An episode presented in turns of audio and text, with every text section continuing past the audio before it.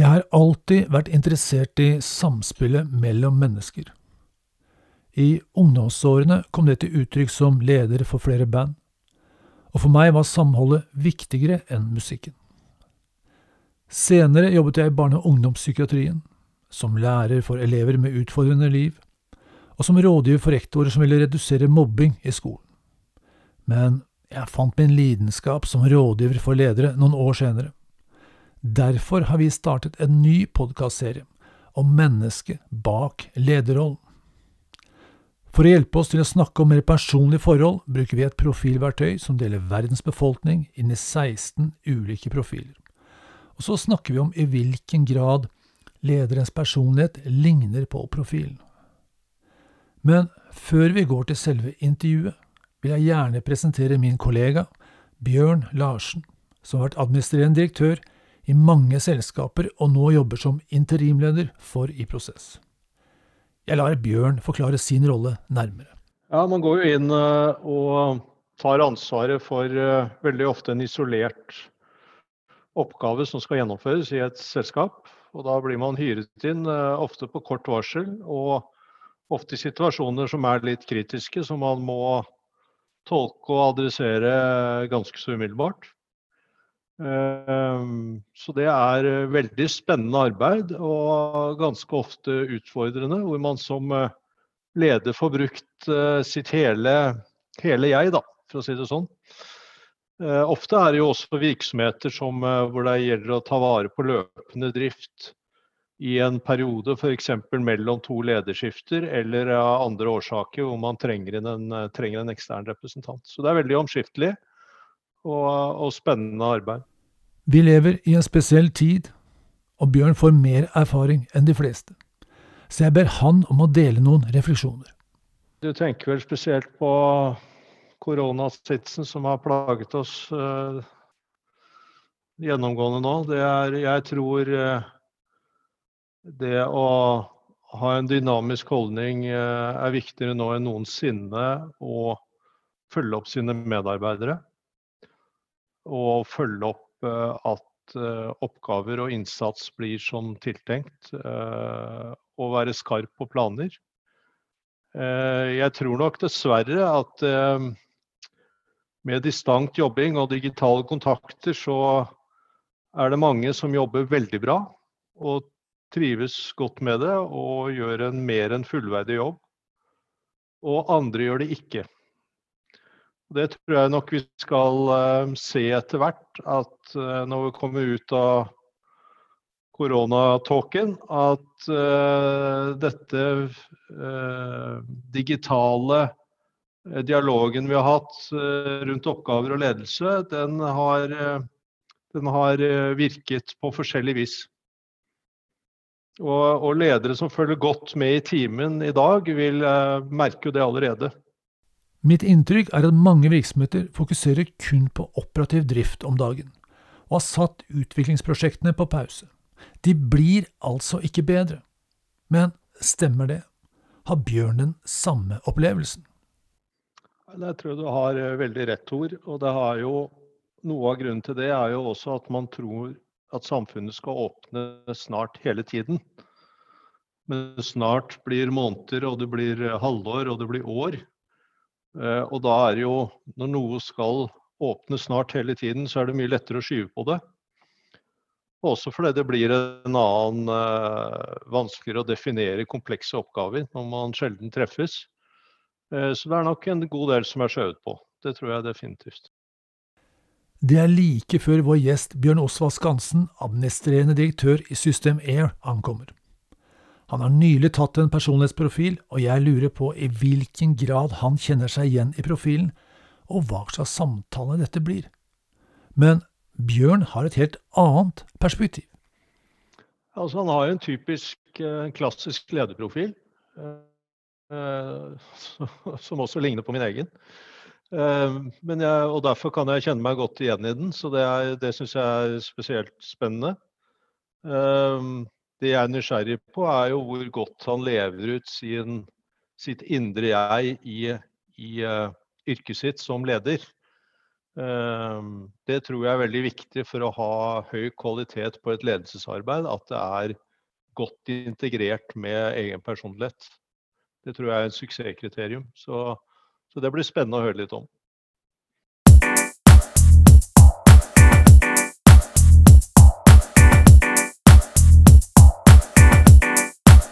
Du lytter til I Prosess, spesialister på innovasjonsprosesser og endringsledelse. I dag skal vi snakke med Bjørn Osvald Skansen om mennesket bak lederrollen. Velkommen begge to. Mange takk. Takk. Du, Bjørn Osvald, vi vil gjerne snakke litt eh, med deg om eh, din personlighetsprofil. Men før vi gjør det, kan ikke du fortelle litt om hvem du er og hvilken rolle du har? Ja, eh, Bjørn Osvald Skansen heter jeg. Jeg er eh, 47 år, eh, utdanna ingeniør og eh, leder en eh, bedrift i Norge som heter Systemer. Og Systemer eh, produserer og selger ventilasjonsutstyr til alle typer bygg. Til næringsbygg og til boliger. Så aggregater og vifter og sånne ting som man trenger for å ha et godt inneklima. Vi skal snakke litt om denne personlighetsprofilen, men bare forklare litt hva dette handler om. Så Daniel Kahneman er en israelsk forsker som har fått nobelpris for sin forskning angående beslutningsprosesser. Og han har kommet fram til at vi mennesker vi har to måter å tenke på, litt sånn enkelt forklart. Den ene måten er den automatiske eller raske måten å tenke på. Det jeg kaller autopiloten. Og den andre måten er den sakte, langsomme måte å tenke på som uh, er mer analytisk og mer dyptgående. Daniel Kahneman kaller dette system 1 og system 2, og system 1 er da autopilot. Og den uh, profilanalysen som du har tatt nå, det er da et slags ekstrakt, eller det som er typisk deg når du er i autopilot. Altså det du gjør når du ikke tenker deg spesielt om. Uh, og Her har du fått noen scores vi skal gå gjennom og se i hvilken grad du kjenner deg igjen, og i hvilken grad dette påvirker ditt lederskap. Da. Så nå er jeg litt sånn spent på det. La meg uh, komme med en liten sånn beskrivelse på din profil, da, se om du kjenner deg igjen i denne. Mm -hmm.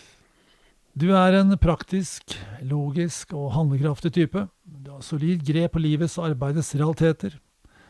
Du er jordnær, liker å planlegge og går til verket med robust og om nødvendig aggressiv besluttsomhet. er det Bjørn Osvald Skansen? Jeg syns det var eh, ganske treffende, må jeg kanskje si det. altså. Um, ja, for man må planlegge. Uh, I hvor stor grad i detaljer man trenger planlegge, det er litt uh, Det er ikke sikkert jeg alltid enig med alle i. Jeg tenker at så lenge vi har vet hvor vi skal, så skal vi dit. Og da er det egentlig bare å gønne på å komme dit. Uh, så får vi heller tilpasse litt underveis. Uh, jeg har veldig stor tro på, på sånn improvisasjon. Uh, ikke det fra Full Metal Jacket eller en av de her filmene der hvor han snakker om det er Clint Eastwood det er ikke det, som snakker om improvise, adapt, overcome, sier han når du har et problem. Bare få det til. Den kjenner jeg på av og til. For det, liksom, det blir aldri ideelt uh, i begynnelsen når du begynner å planlegge. Så vet du ikke alle forutsetningene et halvt år fram i tid, og kanskje ikke bare to uker fram i tid. Og der er spørsmålet hvor lenge skal vi planlegge i detalj når du uansett må legge nytt budsjett. Eller uansett så uh, har du ikke den ansatte lenger. Eller uansett så har produktet endret seg, eller konkurrenten gjort noe. Så det, det er liksom grader av, av hvor mye man skal planlegge, som jeg kjenner på. Og den første dimensjonen den går mellom ekstroversjon og introversjon. Ekstroversjon det er folk som får energi av å være i interaksjon med andre. Og introversjon det er mennesker som ja, får mer energi av å tenke, å være i sitt eget selskap. Eh, og du scorer syv. Syv. Altså du er midt på treet her sånn. En liten touch eh, til én, så bokstaven, første bokstaven er E i din profil. Men er det Vi kaller dette ofte ambivert. da. At du eh, får like mye energi på, av tankevirksomhet som av eh, interaksjon. Er det noe du kjenner deg igjen i? Er det, er det slik du vil beskrive deg selv? Ja, det kjente jeg meg egentlig litt igjen i. Eh, den Kahneman Jeg satte i gang noen tanker når du nevnte han, for han er jo, det er lenge siden jeg har tenkt på det sånn. Men Altså, øh, Å trekke seg tilbake og gruble på ting, det, det må man gjøre av og til, selvfølgelig. Eh, Man finner energi av det, ja. Må jo se, se i det. at man det er moro liksom, å kunne gruble skikkelig på ting og sette det i Excel og regne ut og finne et svar. Ikke sant? Det er jo det føles trygt og godt når du kan peke på noe sånt. Eh, og det trodde jeg egentlig at jeg kanskje gjorde mest. helt ærlig. Jeg trodde kanskje jeg var mer på det enn en uh, quick and easy, men innimellom så har man jo uh, behov for å ta noen raske beslutninger også. Og kanskje det er litt av ingeniøren som kommer inn der. at man er, uh, Hvis det er et greit beslutningsgrunnlag, så er det vel egentlig å ikke vente noe på det. Det er vel bare å gjøre det. så jeg, ja, man kan ta raske beslutninger hvis man vet hva man snakker om. Hvis ikke så må jeg tenke litt mer på det. Det er kanskje noe sånt. Det beveger oss over til neste, neste preferansen din, som er går mellom S og N. Og S er sansing, og N er Pussig forkortelse, er det intuisjon. Men eh, vi får leve med det. Men eh, S betyr jo detaljfokus, da. Og N er liksom mulighetsbildet. Og uh, Dette er litt overraskende, for du, du, var ikke så glad i disse detaljene, hørtes det ut som når du skulle planlegge, men profilen din sier at du er uh, Du foretrekker detaljer, da. Uh, litt sånn her og nå. Litt sånn kontroll på detaljene. Er det Kan du kjenne igjen det, eller er det, er du mer er, du, er det noe du har lært av overstyre? Jeg jo mye mer i retning av det konkrete enn det abstrakte. Det her er mye mer på det før... Altså, det jeg kan ta og kjenne på, enn det som er en idé. Altså, det er morsomt å diskutere ideer, men i hverdagen kan ikke bare være flytende. Da må det være noe konkrete ting. Eh, så det er veldig sånn sett tenker jeg kanskje er litt eh, Ja. Men om det går på detaljer eller ikke eh, Jeg liker jo egentlig detaljene, for jeg har jo jeg kan bruke veldig mye tid på å få en ting til å bli rett hvis jeg vil at det skal bli rett. Det, men jeg velger selv hva som skal bli rett. Da. Altså, hvis jeg tenker Excel-ark, f.eks., om formerne stemmer, om komma står på rett sted. og det kan være Sånne detaljer kan man henge seg litt opp i av og til. Men er det noe der, Tor, med den her konkrete eller detaljen? Er det ja, altså, S-en er lite glad i fluffy idémyldring. Ja. N er veldig glad i det. Syns det er gøy å ha masse ideer og mange ideer samtidig. Men mm. som en S så har du tendens til å se for deg veien fram til målet, eller se for deg hele løsningen. Ja. Og, Den treffer da, meg veldig når du sier det. Ja. ja. Så da blir du fort veldig praktisk. Du kan liksom ikke ha ti ideer, altså konsepter, og snakke om de samtidig, for da, har, da ser du for deg ti veier fram til målet. Uh, og jeg er N, da, og du er S. Så når, hvis du og jeg har en idémyldring, så kan du fort bli litt sånn sliten av meg, fordi at jeg snakker bare konseptuelt, og du snakker praktisk. Ja, det, det kjenner jeg meg igjen i. Eh, det må jo kunne gjennomføres, det her. Det er liksom eh, begrensa hvor lenge vi kan snakke om en, en, en, drøm. Det må være som en eh, Jeg har tenkt å levere dette her. Ja. Så det går nok fort fra det svevende til noe konkret, ja. Um, ja. Mm. Men der tenker jeg annerledes, da. For jeg tenker sånn at nei, men la oss finne rette konseptet først, og så får vi fikse detaljene etterpå. Og hvis jeg kan velge fritt, så skal noen andre enn meg ta de detaljene. nettopp, nettopp. Ja. Nei, jeg kjenner vel på det er kanskje leveringsansvaret, at det, det, blir fort jeg som skal levere dette her. Og da må jeg liksom vite hva jeg skal gjøre. Så ja. Da må vi liksom komme fram til detaljene. Men da er det overordna nivå, selvfølgelig. Man, man kan jo kunne litt av begge deler òg. Man kan vel eh, ut, ut, fra situasjoner kanskje kreve det ene og, og kreve det andre.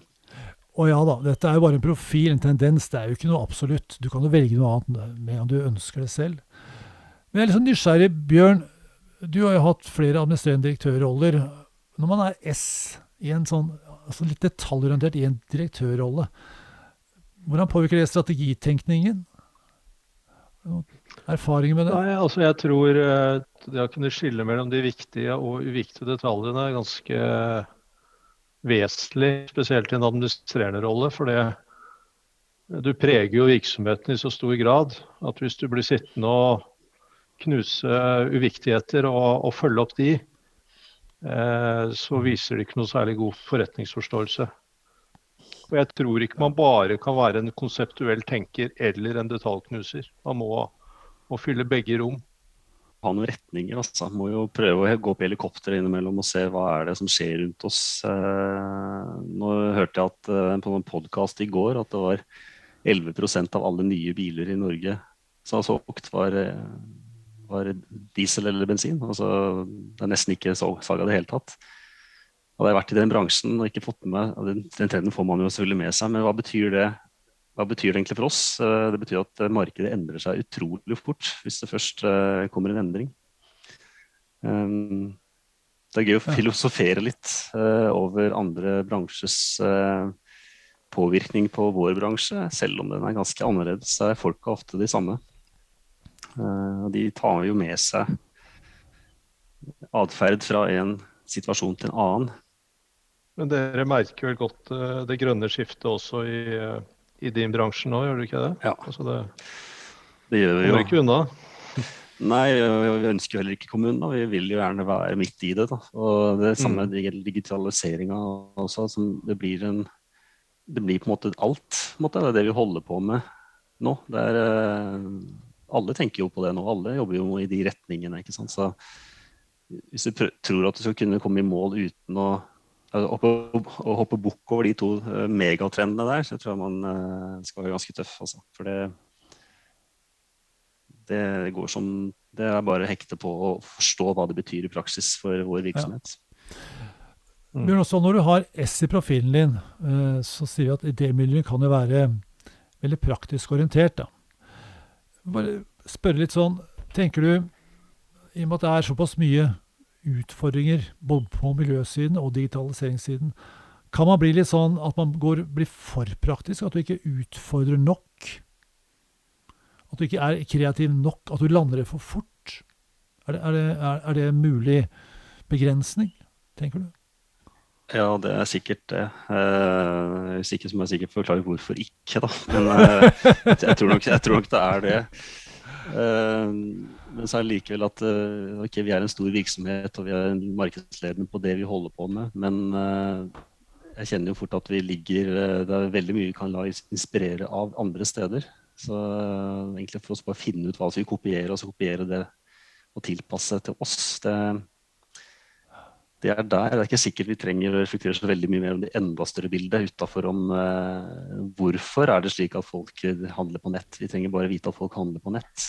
Da må vi på en måte tilpasse oss det. Så ligger det en, en eh, underliggende driver der eh, som handler om å ja, eh, spare tid og et eller annet sånt. Men eh, ja. Det er egentlig det jeg tenker at vi, Hvor langt ned i materien trenger vi å gå for å kunne ta en beslutning? Vi kan bare observere og se at ja, sånn er det nå, og sånn blir det fem år fram, og da gjør vi sånn. Ja. Og så er det forklaringer på hvorfor det er sånn, selvfølgelig. Det, det er det jo. Men, eh, den neste preferansen da, handler om eh, T og F. Og T står for tenking, F står for følelse. Alle tenker, alle føler. Sånn er det bare. Men de som har fått T i denne profilen, de, eh, de, er tilhengere av, eller har en tendens til å foretrekke sånn logisk, rasjonell tenkning. Mens F de har en tendens til å foretrekke mer altså, emosjonell, rasjonell. Altså de har magefølelse, de kjenner at dette er riktig. Jeg vil gjerne forsvare magefølelsen litt, for det er lett å forsvare det logiske, rasjonelle. Uh, magefølelse er jo det er, ikke, det er, ikke, synsing. Det er mer oppsummert erfaring over tid. Altså jeg, jeg leste et forskningsstudie hvor man hadde tatt og sjekka uh, noen sånne parterapeuter som sto og, og så gjennom et sånt politivindu hvor man bare kan se en, ene veien, så så de på et venterom. Der satt jo ektepar som skulle inn til rådgivning. Og så fikk de tre sekunder til å se på et par som skulle inn til rådgivning. Og så var det spørsmålet er dette paret sammen om tre år eller ikke. Ja eller nei? Og så ut igjen. Og Det er ren magefølelse, beslutning. Ingen samtaler, ingen intervjuer, ingenting. Og presisjonen, treffsikkerheten, var over 80 bare sier litt om at uh, når du har masse erfaring, da, for det, dette var jo erfarne folk, så er ikke det en dårlig beslutningsevne. Og nå kommer avsløringen. Hvilken preferanse er det du har? Jo, du foretrekker T. Den logisk rasjonelle tenkningen.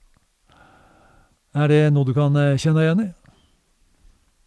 Ja, den tror jeg var ganske, må være ganske klar, tror jeg. Nei, eh, veldig greit å kunne forholde seg til eh, noe som er eh, logisk bygd opp. Det er helt klart. Så følger jeg den til magefølelsesgreia di også. Det er vel sånne ting man bruker når man investerer på børsen f.eks. Da er det jo en sånn totalsum av alt som foregår i verden og, og sånn. Det viser seg gang på gang at det er innmari vanskelig å, å treffe med den. Men den denne den studien du fortalte der om de ekteskapsrådgiverne, den har jeg ikke hørt før. Egentlig, jeg kan godt tenke meg at de som har erfaring, kan oppsummere sånt veldig raskt. Det kan hende at man trener seg til å, til å se etter noe helt spesielt. At det er liksom én parameter, eller få parametere, som er veldig utslagsgivende. Mens vi med mindre erfaring på et felt, vi, vi ser et mye mange flere parametere vi prøver å vurdere. da. Jeg fikk lederoppgave ganske tidlig, jeg var, vel, var noen og 20. Eh, første gang jeg fikk personalansvar. og Da var det veldig viktig for meg å måtte gjøre ting etter boka. Ikke Da var jeg veldig til å lese om uh, ny som leder, og hva betyr det, og hvordan skal man tenke og sånn. Så man det ble jo litt sånn interessert i det, å følge oppskriften til noen mer erfarne, for de hadde jo ikke erfaring. Uh, så det kanskje det har prega lederskapet, hvordan man har tenkt på det. Hadde jeg, jeg vært eldre, så hadde jeg kanskje kunne i større grad trodd jeg kunne lent meg på erfaring enn en, uh, har gjort. Da. Så jeg har nok Om jeg gjør feil på lederskapet mitt i dag, så, så det gjør jeg helt sikkert massevis av. Men jeg har i hvert fall på teorien burde jeg i hvert fall kunne en del om det. Jeg har i hvert fall lest veldig mye om det. og vet mekanismen om jeg klarer å etterleve. Det er noe, noe annet. Men jeg tror ikke jeg hadde vært så, så firkanta på det hvis ikke jeg hadde begynt såpass tidlig. Da da tar man beslutninger ut fra teorien. Da, altså den logiske Som jeg opplever av den samme som teori her. Da. Men jeg, jeg, tror det er veldig sunt. Ja, når man har begrenset erfaring for, på et område, så nyttiggjør man seg andres erfaring via teori og, og lærebøker. Og etter hvert som man selv eh, bygger erfaring, så blir jo magefølelsen eh, den har større og større gyldighet. Men det er også en sånn greie for at skal du ha et innlegg, snakke om noe for noen folk, eller noe så er det veldig forskjellig hvor lang tid folk bruker på å forberede seg til å holde et sånt innlegg. Noen vet sånn noenlunde retninga, og så går de på scenen og så improviserer on the fly. Eh, det kunne ikke jeg gjort. Jeg måtte ha lest mye rundt for å kunne snakke om en liten et lite område, egentlig. Om eh, det kommer av frykten for å ikke kunne svare, eller om det er at man at uh, snøballen bare ruller på så man blir mer interessert i det. og så Til slutt har man brukt en masse tid. Men Har du merket eh, med årene at du bruker magefølelse mer nå, eller mindre, etter hvert som du blir eldre og mer erfaren? Nei, jeg, jeg kan ikke si at det er sånn magefølelseperson. Altså, jeg er nok mer kanskje at jeg bruker tidligere erfaring Eh, enn jeg bruker magefølelsen. Så da, denne situasjonen har jeg vært oppi før. Så ja. da gikk det sånn. Så jeg er litt sånn denne gangen nå, eller ikke. Mer det enn at det er en magefølelse som sånn, jeg opplever magefølelse. da. Jeg bruker magefølelse mer nå enn jeg gjorde tidligere. Jeg kjenner etter. Er det et eller annet som skurrer, liksom? Eller har jeg noe energi på dette? Når du sa det der med energi, så kjente jeg meg med en gang i det. da, For det, det er noe med at når man er blitt så voksen som man er blitt, det er jo Eh, jeg er ikke 50, men jeg nærmer meg jo og tenker at eh, det å gjøre masse, legge til rette for en fremtidig lykke, det er vel og bra, men det er noe med at man, det er nå det er, liksom. Nå må, jeg, nå må jeg si at det er her og nå. Og hva er det som faktisk gir energi? Hvilke folk er det jeg trives å jobbe med til daglig? Hvilke Altså, hva er, faller naturlig for meg? Eh, det har jeg blitt litt mer bevisst på etter jeg ble 40, tror jeg. Da, da har jeg vært litt mer på at Nei, jeg følger litt mer av eh, eh, Klart jeg har jo følt kanskje også eh, tryggheten at man har hatt en bra jobb og en trygghet i at man Det gikk bra til slutt. Gikk til slutt, men foreløpig altså, har det gått bra.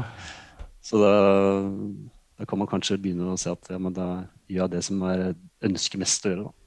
Uh, og Det tror jeg faktisk man er best på også, helt ærlig. Når man gjør noe man liker. Ja, det tror jeg òg. Jeg har blitt mer oppmerksom på det. Jeg kjente jo ikke etter åssen jeg hadde det før jeg ble 40, i hvert fall. og etter 40 så har jeg begynt å kjenne etter. Og eh, hvis jeg ikke kjenner energi til å drive på det, så tenker jeg da nei, da er det ikke viktig. Da kommer jeg bare til å gjøre det halvveis likevel. Så da blir det ikke noe av det. Men du kan si det er sånn typisk lederprofil da, å ha T i profilen sin. For da det er logisk, det er etterprøvbart. Skal vi bruke en million på dette? Ja, vis meg en analyse. Vis meg en logisk forklaring. Mens i og med at uh, verden endrer seg så raskt som man gjør nå, så innbiller jeg meg at det kanskje er noe mer aksept for den derre F, magefølelsesbeslutning. For hvis du skal lage business case på alt, ja, da er det noen andre som har gjort det før deg. Da. da er det jo etterprøvbart. Skal du gjøre noe nytt, liksom, så er, det, så er det usikkert hva som skjer. Og da må du tåle den type risiko og, og tro på. Du kan, kan, ikke vite. Du må bare tro på at jeg tror dette, dette kommer til, til, å gå bra, og gjør det ikke det, så aksepterer vi det. Det kjenner du at det er en, at det er en bevegelse den veien? Ja, det kanskje du har rett i. For det skjer jo uh, veldig fort. Det er jo tilhenger av det å prøve og feile litt. Altså ikke Det gjaldt det vi snakka om egentlig om planlegging òg, men men uh, lanser en løsning og se om det funker. Vi var tidlig ute vi synes mer med å bruke Teams. Om det kom til å bli bra eller ikke, det visste vi ikke. Vi begynte med det før koronapandemien kom. Uh, men det nappa organisasjonen på og syntes det var bra. Og det har vi jo absolutt uh, videreført. Og så er det sikkert prøvd andre ting som ikke har funka, men da må vi avslutte det. Så jeg, jeg tenker litt mer på den derre prøv å se. og Funker det ikke, så legger vi det ned. Men du da må huske på å legge det ned, altså, at ikke man trekker videre med det sånn halv, halvhjerta. Ja. Men eh, den der uh, beslutningen om å gå på Teams, om det var sånn logisk forankra eller magefølelsesforankra, så var det kanskje en Det var faktisk tredje gangen jeg var med på å prøve å rulle ut noen sånn jammeraktige greier. Uh, så, mage, så, logisk så, var det egentlig at ikke begynn, for det her kommer ikke til å funke. Vi har prøvd to ganger før. Men magefølelsen var nok at uh, det er den veien kommunikasjon kommer til å foregå. Gjennom tomler opp og ned og videresending av linker og sånn. Så vi må bare henge på. Det, det, det, kommer til å skje, liksom. Nå må vi i gang. Jeg kjøpte en kikkert en gang, jeg. Og der, uh, den kjøpte jeg ren T-kjøp. Jeg leste masse analyser, og så sjekka hvilke kikkert som var best, og så kjøpte jeg kikkerten. Så kjøpte jeg meg en bil etterpå. Ren F. Kul bil. Den ser sexy ut. Jeg fikk lyst til å ha den. Ingen faktasjekk. har du gjort noen sånne kjøp? Uh, ja, det har jeg gjort. Det gjør veldig absolutt. Uh, jeg koser meg stort jeg, med å kjøpe, med å kjøpe tekniske duppeditter. Jeg er nok eh, litt over middels interessert i sånt. Så jeg har akkurat kjøpt meg nye Sonos uh, høyttaler, den nye lille bærbare som kom. Ja. Og en sånn Google hva heter det for noe, den Chromecast TV-sak. Sånn, får ikke kjøpt den i Norge noen gang, så veldig interessert i sånn. Da leser jeg alt det finnes. Uh, og trives nesten like morsomt med å kjøpe det som å som bruke det, faktisk. Uh, men om det er gjort noen følelseskjøp, så, så, har jeg jo gjort det. Men da kjenner jeg innimellom med at det har brent meg på det òg. At det, Sånn at det var sånn happy go lucky, og så var det ikke helt uh, litt sånn. Uh, så jeg er nok kanskje den uh, det er mye logiske kjøp hos meg, altså. Men jeg skjønner jo at det, jeg kjøper også på, på merkevarer og på andre aspekter enn tekniske ting. Det, det gjør man jo. Det, mm. Jeg hører at du er en klar T i profilen. Ingen tvil. Ja, Den tror jeg må være tydelig, ja. Mm. ja. Hva med deg, Bjørn? Hender det at du tar F-beslutninger, selv om du også har en eh, T i profilen din? Det er en rekke beslutninger da, som, som er formet av magefølelse eh, og eller slash erfaring, da, som det kanskje egentlig er. Eh, og som jeg når jeg var yngre ville tenkt mye nøyere igjennom, men som nå kommer som selvfølgeligheter. At eh, det er den eneste beslutningen man kan ta. Og mm. Det blir ikke noe gjenstand for tanke, nesten. Det er bare Eh, en slags automatisk reaksjon. Ja. Men skal jeg kjøpe en ny bil, så, så kan jeg gjerne mer enn selgeren, altså. Akkurat. Jeg skjønner. Så det er veldig forskjellig. Den siste dimensjonen, eh, Bjørn Osvald, den går mellom J og P. Og J, tro det ei, det står for avgjørelse. og P, det er opplevelse. Vi, eh, vi får leve med sånne pussige forkortelser, men det skal altså stemme i internasjonale navn og sånne ting. Og J-ene, de liker å lage planer, de liker å ta beslutninger, de liker en form for kontroll. Og de kan bli så glad i planen sin at de ikke endrer den selv om de burde gjøre det. Pene derimot, de er helt annerledes. De liker fleksibilitet, impulsivitet og litt sånn Ja, ting kan bare skje, liksom. Gå fra det ene til det andre uten at det er en plan. De liker de godt. De lager gjerne planer, de òg, men de planene er veldig sånn generelle, slik at det er rom for fleksibilitet. Og P-ene sier jo at uh, det er ikke noe vits å lage en detaljert plan, for den blir ikke fulgt likevel. Og det er sant, det blir ikke fulgt fordi de er PR. Men når en J lager en detaljert plan, så følger den planen. Uh, og når J-en får avvik fra planen, så er det et nederlag. Det er litt sånn, Fleksibilitet er ikke en styrke, sånn som P-ene mener. Det er et nederlag. Jeg burde forutsette. Uh, da tar jeg to ytterpunkter her, så det er masse nyanser imellom. Men uh, hvilke av de to er det du kjenner deg mest komfortabel med? Hva tenker du at du er? Jeg tipper at jeg har fått en, uh, en sånn planleggingsprofil. Ja. Men uh, jeg kunne nesten fått den andre også. Uh. Ja, for jeg kjenner jo For jobber jeg med meg litt selv på det der punktet her. Um, jeg vil gjerne ha ting planlagt og sånn. men det var det vi snakka om i stad, med å planlegge Ja. for å uansett ikke det blir noe av det. Og vi er akkurat ferdig med budsjetteringsperioden vår, og det er jo en plan i store trekk. Um, det er spørsmål hvor viktig er det for oss å planlegge hva som skal skje i mars neste år. Altså vi, har, fra mai til mai hvert år. Da. Um, det er jo ingen som vet hva som skjer over sommerferien engang. Og da skal liksom planlegge noe som skal skje ute i, i sant? Det tenker jeg det er gjettekonkurranse. Det er ikke så Vi kan ha en retning, at de skal gjøre noe sånn, de skal vokse eller ikke. Eh, men detaljene der, den eh, Det har jeg egentlig lært meg til. Jeg tror ikke jeg hadde tatt den testen eh, før, så ville jeg vært veldig tydelig på den J-en. At det var veldig viktig å, legge en plan og jobbe etter en plan. Mens nå har jeg kanskje runda meg litt av på det der. Og ønsker å eh, til enhver tid uh, ta den beste beslutningen fra den informasjonsmengden du har. Og da endrer jo den seg, som sagt, hele tiden. Og så er det jo slik da at uh, profilen blir jo den samme uansett uh, hvilken alder man har. Og så er det slik vi blir, Du kalte det litt sånn rundere i kantene med årene. Jeg vil gjerne protestere litt på det. Du oppleves nok som litt smidigere med årene. Men egentlig så er det slik at du ekspanderer. ikke sant? Du håndterer både planlegging og det fleksible.